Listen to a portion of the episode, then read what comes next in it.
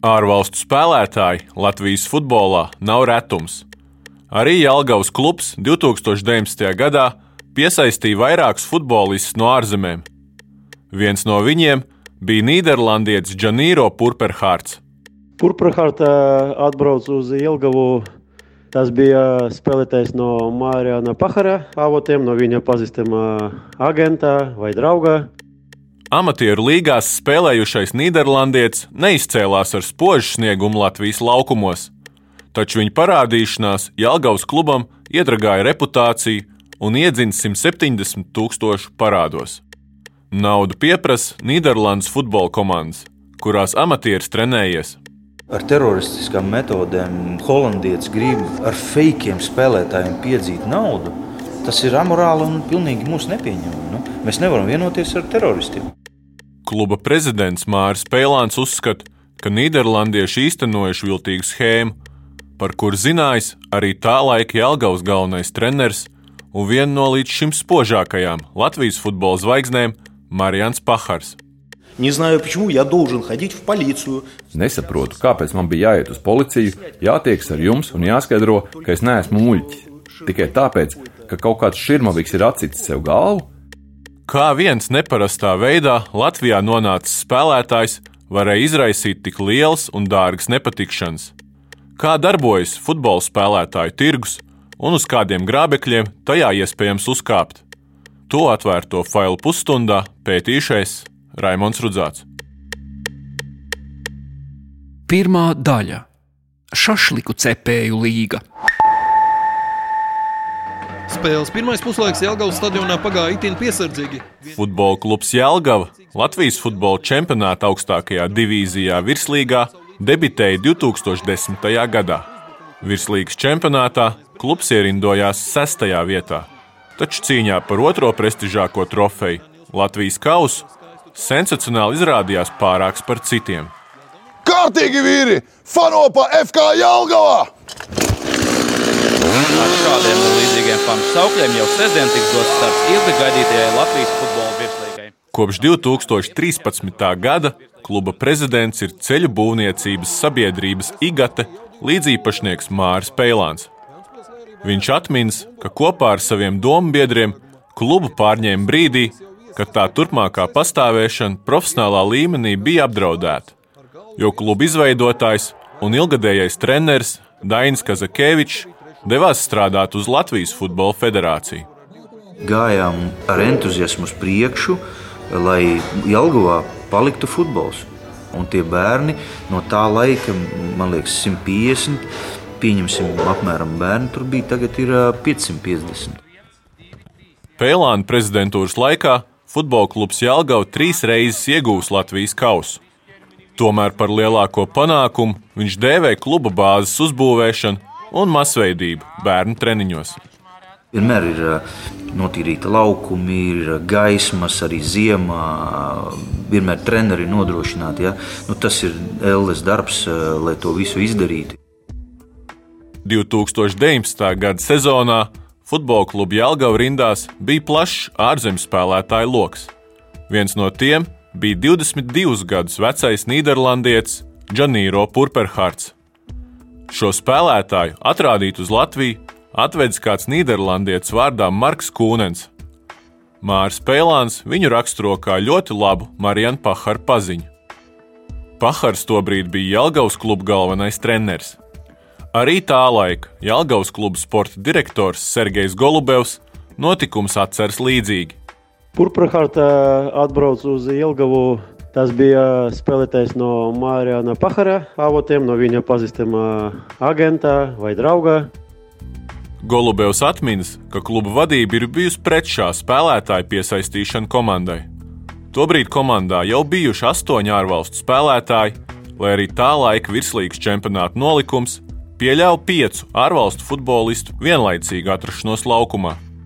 Tas bija ļoti dārgi iznāk, nu, bet bija ļoti, ļoti lūgums no trenera puses, ka spēlēties tieši vajadzīgs Jelgavai.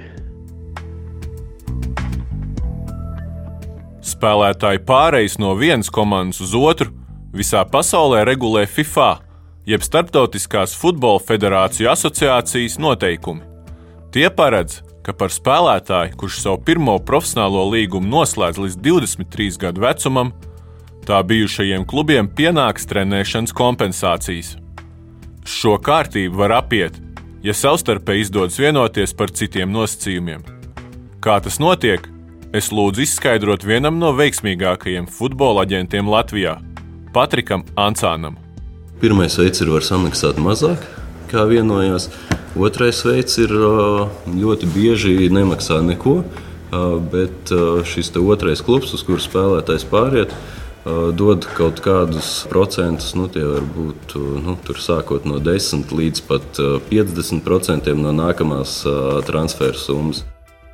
Par transferu futbolā tiek dēvēta darījuma summa, par kādu spēlētājs tiek pārdots citai komandai.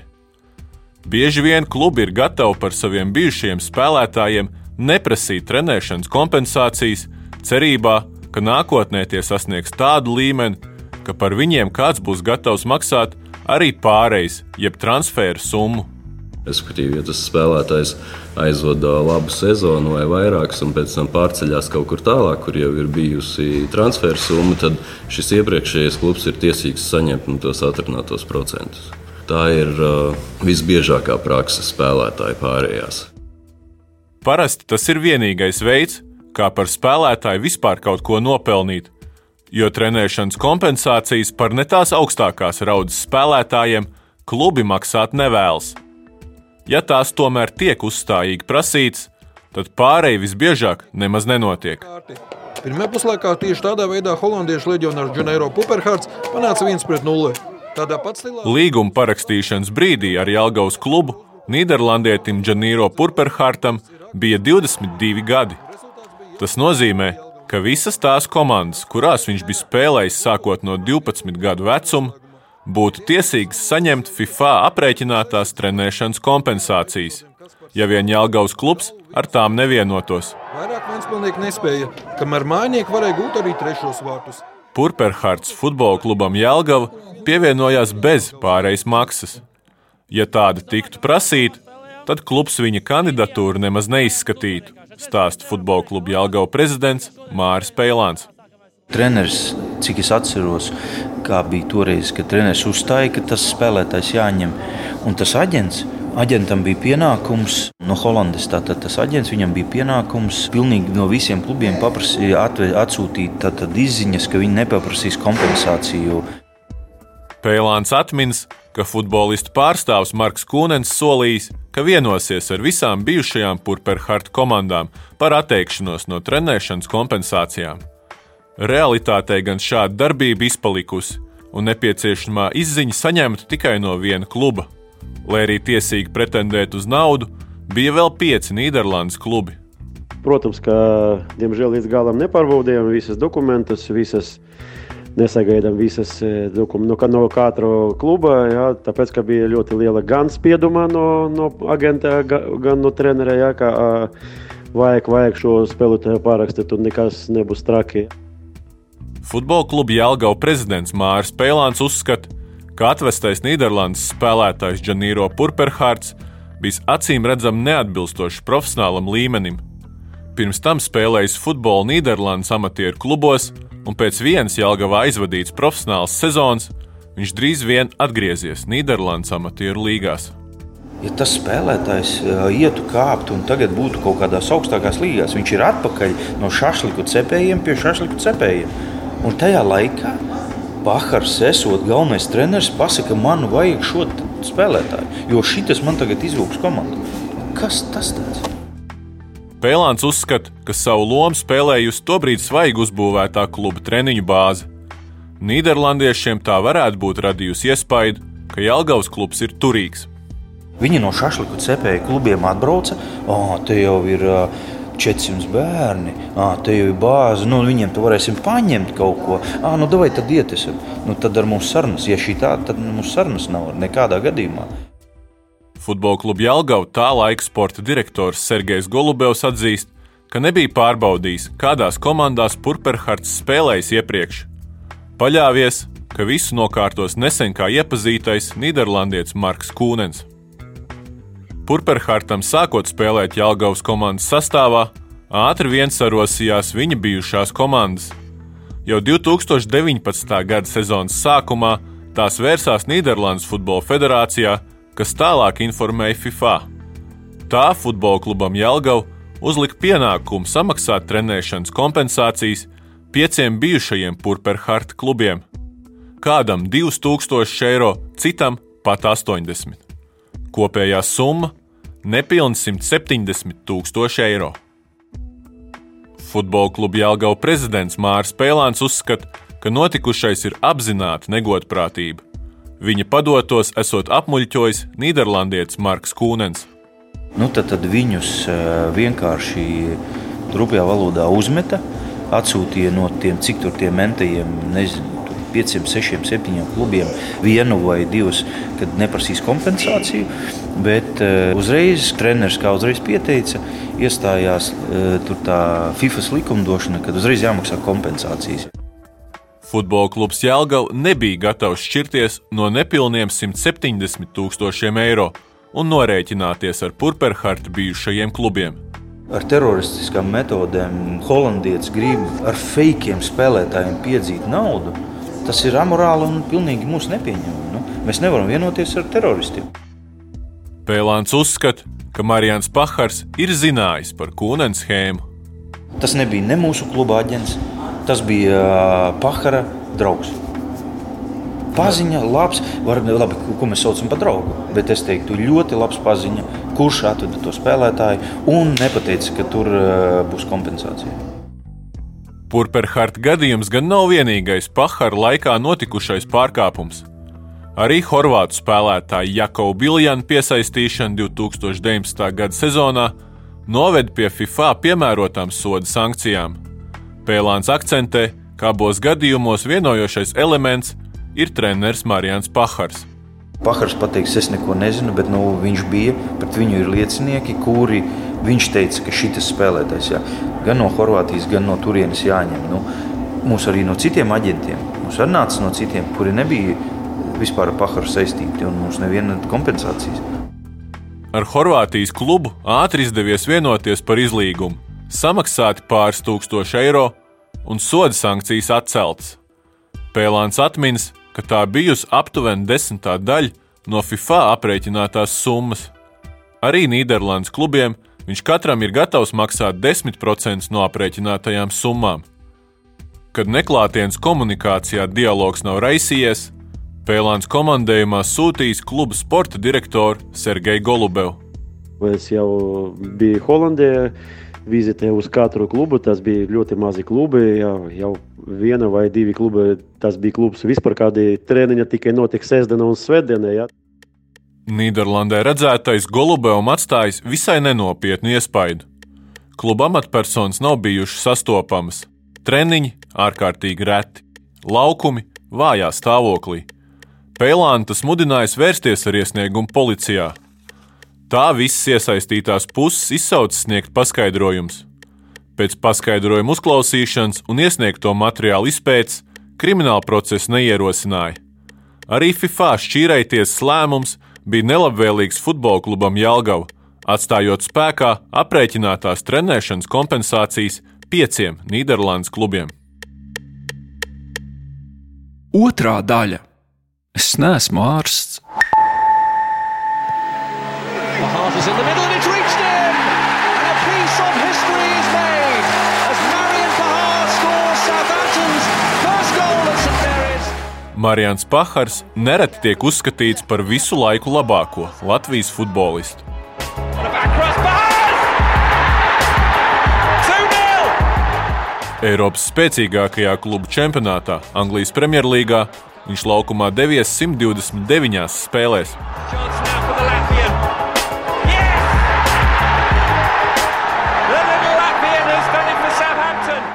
Salīdzinājumam otrs spēlēm bagātākais Latvijas futbolists Anglijas Premjerlīgā ir Igors Stepānos. Viņš laukumā pabijis 17 reizes.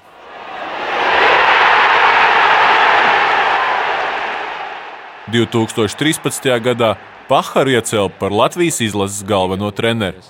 Pahars vēl tikai būvēs savu Latvijas valsts vienību. Kaut nelielu, bet uzlabojumu redzam no spēles uz spēli. Tomēr Latvijas izlases rezultāti nebija labi. Pahars no amata atkāpās 2017. gada martā. Pēc gandrīz četru gadu darba Marijans Pakars vēlējās pateikties žurnālistiem par uzslavām un, protams, arī kritiku. Bez tās neiztikt. Gadu vēlāk viņš kļuva par futbola klubu Jālgavu galveno treneru. Jālgava jau paspējusi atrast jaunu speciālistu. Turpmāk komandu vadīs bijušais Latvijas izlases galvenais treneris Marijans Pakars. Sastāva pastiprināšanas nolūkos klubs aktīvi meklēja spēlētājus ārpus Latvijas robežām. Nīderlandietis Džanīro Purperhards Jelgavā ieradās Pahara otrajā sezonā pie komandas stūres.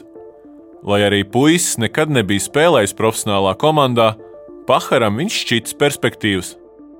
Marijans Pahars uz maniem jautājumiem atbildēja Krievu valodā.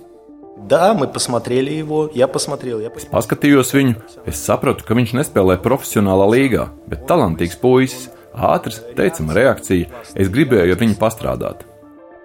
Pahara aizskaitina bijušā darba devēja Peilāna pārmetumu par iespējamu līdzdalību negodprātīgās darbībās. Главный тренер, ответственный за подготовку команды, Galvenais treneris atbild par komandas sagatavošanu, treniņu procesu, komandas komplektāciju un tādējādi rezultātu. Neparaksta nekādus dokumentus, neatbild par nekādām detaļām futbolistu līgumos, ne par samaksām, ne par kādām kompensācijām. Galvenais treneris neatbild ne Latvijā, ne Anglijā, nekur citur. Ar to nodarbojas kluba sporta direktors un kluba juristi. Pahars noliedz, ka Nīderlandietis Marks Kūnens būtu bijis viņa draugs vai labs paziņš. Jālgaus kluba prezidenta Māra Pēlāna pārmetums viņš dēvē par absurdiem. я покажу сообщения, которые я показывал в полиции. Es parādīšu sarakstu, ko parādīju policijā. Es par šo lietu biju policijā. Nesaprotu, kāpēc man bija jāiet uz policiju, jātieks ar jums un jāskaidro, ka es neesmu muļķis.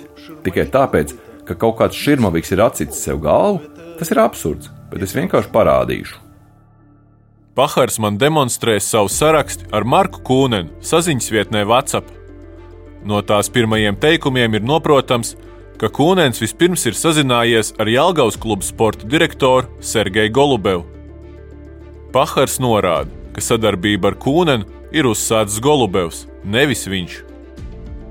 Marijana Pahara saērcina būvuzņēmēju Pēlāna teiktais, ka Nīderlandes spēlētājs Purperhards nav bijis atbilstošs virslīgas līmenim.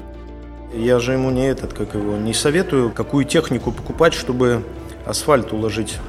Es viņam nedodu padomus, kādu tehniku pirkt, lai ieklātu asfaltu. Pareizi, bet viņš runā par to, vai futbolists atbilst vai neatbilst. Esmu bijušais Latvijas izlases galvenais treneris. Visu mūžu esmu bijis futbolā. Esmu trenējis klubu, kas startējis Eiropas sacensībās. Viņš man teiks, kurš atbilst un kurš neatbilst. Džanīro Purperhards astoņās spēlēs Jālgaus labā guva divus vārtus. Aizvadīt vairāk spēļu traucēja savainojumi. Pahars pieļauj, ka pārēj no amatieru līmeņa uz profesionālo varētu būt bijis viens no iemesliem, kāpēc Purperharta ķermenis neizturēja, taču to viņš nevarēja paredzēt. Nu, ribēta, ja ne doktor, ja galvenai treneris. Es neesmu ārsts, es esmu galvenais treneris. Ieradās spēlētājs, viņš man iepatikās. Biju gatavs ar viņu strādāt. Es teicu Sergejam Golubevam, mēs viņu ņemam, pārbaudu lūdzu. Es Golubevam neskaitāmas reizes teicu, noskaidro par kompensācijām. Otrs domstarpībās ierautais futbolists Horvāts Jakovs Biljans Jelgavā nonāca ar latviešu futbola aģentu Robertu Mežēcka gādību. Mežēcki Pahars ir uzaicinājis sev līdzi uz interviju. Vienkārši tajā futbola pasaulē citreiz gadās, ka kāds spēlētājs ar pazīstamiem paprasa, palīdziet, lūdzu, atrast klubu. Parādījās tas Jakovs Biljans. Mēs viņu atvedām uz pārbaudu uz Jelgavu. Viņš patrenējās nezinu, kādu nedēļu. Marijānam, kā trenerim, viņš tā kā iepatikās, viņi bija gatavi viņu ņemt. Līdzīgi kā Purperhardt gadījumā, arī pirms līguma parakstīšanas ar Biljanu izziņa par atteikšanos no trenēšanas kompensācijas saņemt vienu no Horvātijas iepriekšējās darba vietas, stāsta Mežēckis. Mums bija papīrs, ja es pareizi atceros no viņa beidzamā kluba, ka viņa kā kompensācija, viņa atsakās no kompensācijas, ka viņam nav nekāds līgums šobrīd, tā kā viņš ir brīvs aģents. Mežēckis nesot zinājis, ka ir vēl citi klubi, kas varētu pretendēt uz trenēšanas kompensācijām, gadījumā, ja Biljans parakstītu līgumu ar Jālgaus komandu. Ir tāda FIFA programma TMS saucās. Tā ir tā kā platforma, kur katra spēlētāja vēsture, tu vari pie viņas ir, viņai ir piekļuve klubam, federācijām, agentiem nav. Tā kā jebkurš klubs parakstot spēlētāju, viņš var iziet visai vēsturē spēlētājai un saprast, kurā klubā viņš bija, kad bija un ar kādu klubu jākomunicē par tām kompensācijām. Jālgaus kluba rezultāti 2019. gada sezonā bija pieticīgi. Nepalīdzēja pat daudzie spēlētāji no ārvalstīm. Marijans Pahars no galvenā trenera amata atkāpās 2019. gada jūnijā, savas otrās sezonas vidū.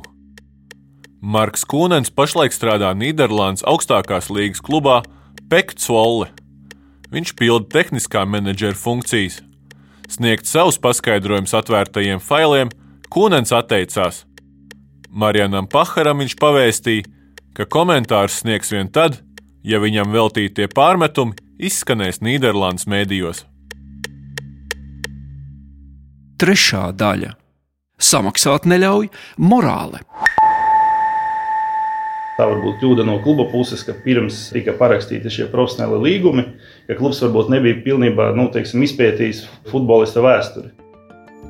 Tā Jālgavas kluba nepatikšanas skaidro Artūrs Saļņikovs, administratīvās un labas pārvaldības departamenta vadītājs Latvijas Futbola Federācijā. Jo praksa ir tāda, ka piemēram klubs var pieprasīt spēlētāju pasi, Tur var redzēt visu vēsturi, un tad klubs redz, ka teiksim, tas līgums, ko viņi potenciāli paraksta, tas ir pirmais profesionālais līgums.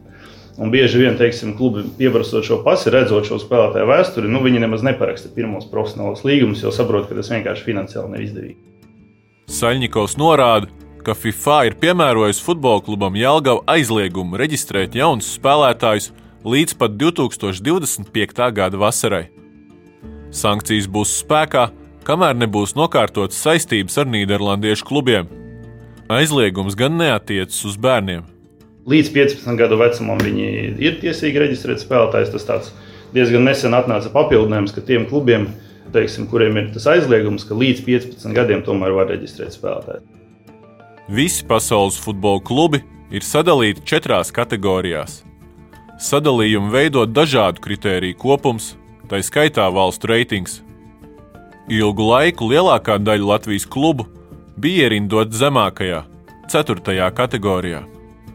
4. kategorijas klubi brīvi varēja pieteikt spēlētājus, uz tiem neatiecās noteikumi par trenēšanas kompensāciju maksāšanu bijušajām komandām. 3. kategorijas klubi bija vien tie, kuri paralēli startēja arī Eiropas klubu sacensībās. Pirms vairākiem gadiem bija tā, ka trešās kategorijas klubi mums bija tikai Eiropas dalībnieki. Bet pēc tam vienā brīdī tika pieņemts lēmums, ka tie klubi, kas atbilst akadēmijas statusam, saskaņā ar akreditāciju, tie klubi tad ir uh, trešās kategorijas klubi Latvijā. Tas joprojām ir spēkā. Lēmumu pieņēma Latvijas Futbola Federācija. Jelgavas klubam ir akreditēta jaunatnes akadēmija, tādēļ tas no 4. kategorijas tika pacelts uz 3. Līdz 2019. gada sezonai klubs bija pieredzējis neuztraukties par trenēšanas kompensācijām. Izmaiņas bija negaidītas, saka Pēlāns. Latvijas Futbola Federācija, kur strādā vieni tie paši cilvēki jau vēsturiski, pilnīgi pat nepabrīdināja, ka pēkšņi vienā gadā, tas jau sen jau nepabrīdināja, kad Latvija pēkšņi pacēlusies tajā līmenī, kad ir jāmaksā kompensācijas.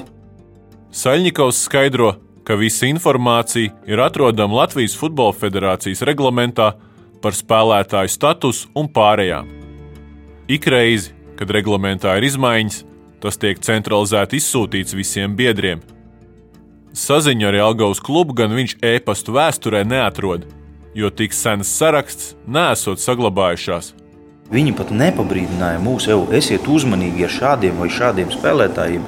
Uz viņiem varētu attiekties kompensācijas vienkārši aizmiegtām acīm maucam. Ja? Futbola aģentam Patrikam Ansānam ir liela pieredze darbā ar Eiropas futbola klubiem. Šā gada augustā viņa klients, 16-gadīgais Roberts Kukuls, parakstīja līgumu ar vienu no Itālijas spēcīgākajiem klubiem - Milānas Inter. Manā tajā karjerā nav bijis neviens spēlētāju pārējais, kur ir bijusi šajā vecuma posmā kur ir šīs trenēšanas kompensācijas attiecināmas, ka klubs nav prasījis dokumentus vai nav saskaņojis ar iepriekšējiem klubiem šo pārēju. Futbola kluba Jālgava nedēļas ar nenokārtotām spēlētāju pārējām Ansānam šķiet ļoti savādas. Nu, ja kādreiz neuzprasa, tā ir visticamāk vai nu kāda klubā attiecīgu darbinieku nezināšana par šīm trenēšanas kompensācijām, ko es negribētu ticēt, ja nu, to zina jebkurš. Vai arī nu, kādreiz vienkārši tu tici otrai pusē, ko viņi mutiski tev saka, nu, bez jebkādiem dokumentiem. Ansāns ieskicē ierasto praksi, kāda tiek piekopta spēlētāju pārēju tirgu. Man kā aģentam piedāvājot spēlētāju, es piedāvāju spēlētāju, viņš var atbraukt uz pārbaudēm, redz, kur ir dokumenti par viņu no visiem iepriekšējiem klubiem, kādas ir tās finansiālās prasības vai ko mēs varam sarunāt. Viņi skatās, nu, ja tas viņiem ir pieņemami, viņi to var atļauties, ok, viņi ir gatavi uzaicināt to spēlētāju uz pārbaudēm. Reizēm gan komandas spēlētājs noskata arī bez uzaicināšanas uz pārbaudas laiku. Un tas pats notiek arī, ja tās pārbaudas tur nav. Ja tur ir uzreiz patiešo parakstīšana, nu, vienmēr tiek prasīti šie dokumenti no visiem iepriekšējiem klubiem. Jo nu, tās trenēšanas kompensācijas par tām ir lietas kursā. Nu, pilnīgi jebkurš futbolā, kurš strādā jebkurā futbola klubā. Datubāze ar katra futbolista bijušajām komandām nav brīvi pieejama jebkuram interesantam, pat futbola aģentiem. Šādas piekļuves nav. Ja ir starptautiska pārēja, federācija, pieņemsim, ir pārēja uz Itāliju, Itālijas futbola federācija pieprasa Latvijas futbola federācijai spēlētāju pasi. Tā pasi glabājās tikai federācijā. Un tajā spēlētāja pasē tu vari redzēt pilnīgi visus klubus, no kādiem termiņiem tas spēlētājs ko ir pārstāvējis. Nu, tad, respektīvi, tu ej visam cauri un mēģini sadabūt šīs te, nu, kaut kādas dokumentus vai panākt šīs vienošanās. Nu, jā, ļoti bieži tas ir diezgan problemātiski to izdarīt. Tīpaši, ja tas spēlētājs ir pabijis 6, 7 gadu laika posmā, tur 3, 4 komandās. Džanīro Purperhārtu uz Jelgavu atvedušais Marks Kūnens nav atrodams FIFA reģistrēto futbola aģentu sarakstā. Tas gan nav nekas neierasts. Ka, ja tev piedāvā spēlētāju, nu, teiksim, viņš ir spēlētājs ar Vācijas pasu, un tev piedāvā kāds vācu cilvēks, nu, nu, klubi pat neskatīsies īpaši, kas tas ir par cilvēku, kurš piedāvā, vai viņš ir kaut kādās aģentu sarakstos, vai kaut kur viņš ir norādījis, ka viņš darbojas kā futbolista aģents. Nu, tā tas arī nenotiek. Spēlētāju piedāvāšana caur pazīšanos futbola pasaulē ir ļoti izplatīta praksa lielu lomu spēlē cilvēka attiecības šajā spēlētāju, vispār spēlētāju pārējā. Jo, nu, pat ja tev ir labs spēlētājs, un uh, bieži vien tu nekādīgi nevari tikt līdz tam klubam, kur tu viņu vēlies piedāvāt, jo tu vienkārši nepazīsti tur cilvēkus. Sankcijām pakļautais futbola klubs Jālgava virslīgā nespēlē kopš 2020. gada. Šobrīd tas startē tikai jaunatnes sacensībās. Tomēr virslīgā spēlē cita Jālgavas komanda ar teju identisku nosaukumu - Futbola skola Jālgava. Uz to neatiecas nekādi ierobežojumi. Komandā spēlē Māra Pēlāna dēls Mārcis, bet pats uzņēmējs noliedz savu saistību ar šo klubu. Futbola skolas Jālgava amatpersonu lokā Pēlāna vārds nav atrodams. Viņš skaidro, ka viņa vadītais futbola klubs Jālgava uz atgriešanos virslīgā pašlaik netēmē. Vai FK Jālgava spēlēs virslīgā, to nevaru pateikt, bet mēs tad izīrējam labākos puikas uz FS pēc normāliem atļautām likumdošanām, lai viņiem ir spēļu praksa virslīgā. Latvijas Futbola Federācija, pielaižot futbola skolu Jālgavas startam virslīgā, komandu ir brīdinājusi par to, ka ciešā draudzība ar futbola klubu Jālgavu var novest pie tāda paša spēlētāja pārēju aizlieguma, kādu pašlaik izcieš Pēlāna vadītais klubs. Kad viņam tika izsniegta licence, ja tur bija lēmumā piebilde, ka tāds risks pastāv, ka pēc FIFA lēmuma varētu būt arī šis aizliegums piemērots eh, kādā brīdī ar FS Jelgavai. Tas viņam bija konkrēti pateikts. Ja. Pēlāns uzsver, ka komanda FS Jelgava nav radusies ar mērķi apiet FIFA piemērotās sankcijas viņa vadītajam klubam, Laikā, kad viņa vadītais klubs vēl spēlējis virslīgā, meklējuši sabiedrotos zemāka līmeņa līgā, kam spēļu prakses gūšanai izīrēt pusauģu vecumu jauniešus. Tajā laikā mēs spēlējām virslīgā, un uh, bija izdevība vienoties ar bijušo klubu, kurš spēlēja otrajā līgā, tātad uh, Albatrosu, kad mūsu U15, U16 puikas nospēlēs, nevis spēlēs virslīgā, lauzīsies pret ar lieliem profesionāļiem. Viņi nav gatavi vēl, ja? bet viņi spēlēs, izspēlēs savu otrās līgas čempionātu. 2021. gadā biedrība Albatrosu Sport Club tika pārdēvēta par futbola skolu Jālgavu. Kluba valdē atrodams bijušais futbola kluba Jālgava kapteinis Valērijas Reķko, kā arī bijušais kluba direktors Jānis Vuguls. Futbola skolas Jālgava mājaslapā kā sporta direktors norādīts Edgars Kļanausks, kurš vienlaikus ir arī futbola kluba Jālgava valdes loceklis. Pērn FS Jālgava izcīnīja tiesības sacensties virslīgā. Futbola klubs Jālgava nav vienīgais, kam par nenokārtotām saistībām pret spēlētāju bijušajām komandām būtu piemērots FIFA sankcijas.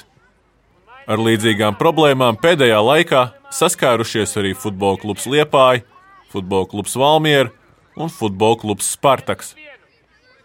Futbola kluba Jālgava prezidents Mārs Pēlāns piesaistīs jurists un gatavojas jaunam sarunu raundam ar Nīderlandes klubiem un pasaules futbola vadošo organizāciju FIFA.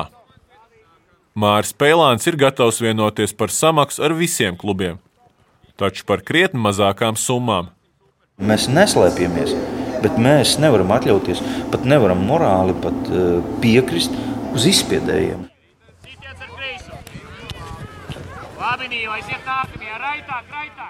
Par šo gadījumu mēs uzzinājām no Nīderlandes žurnālistiem.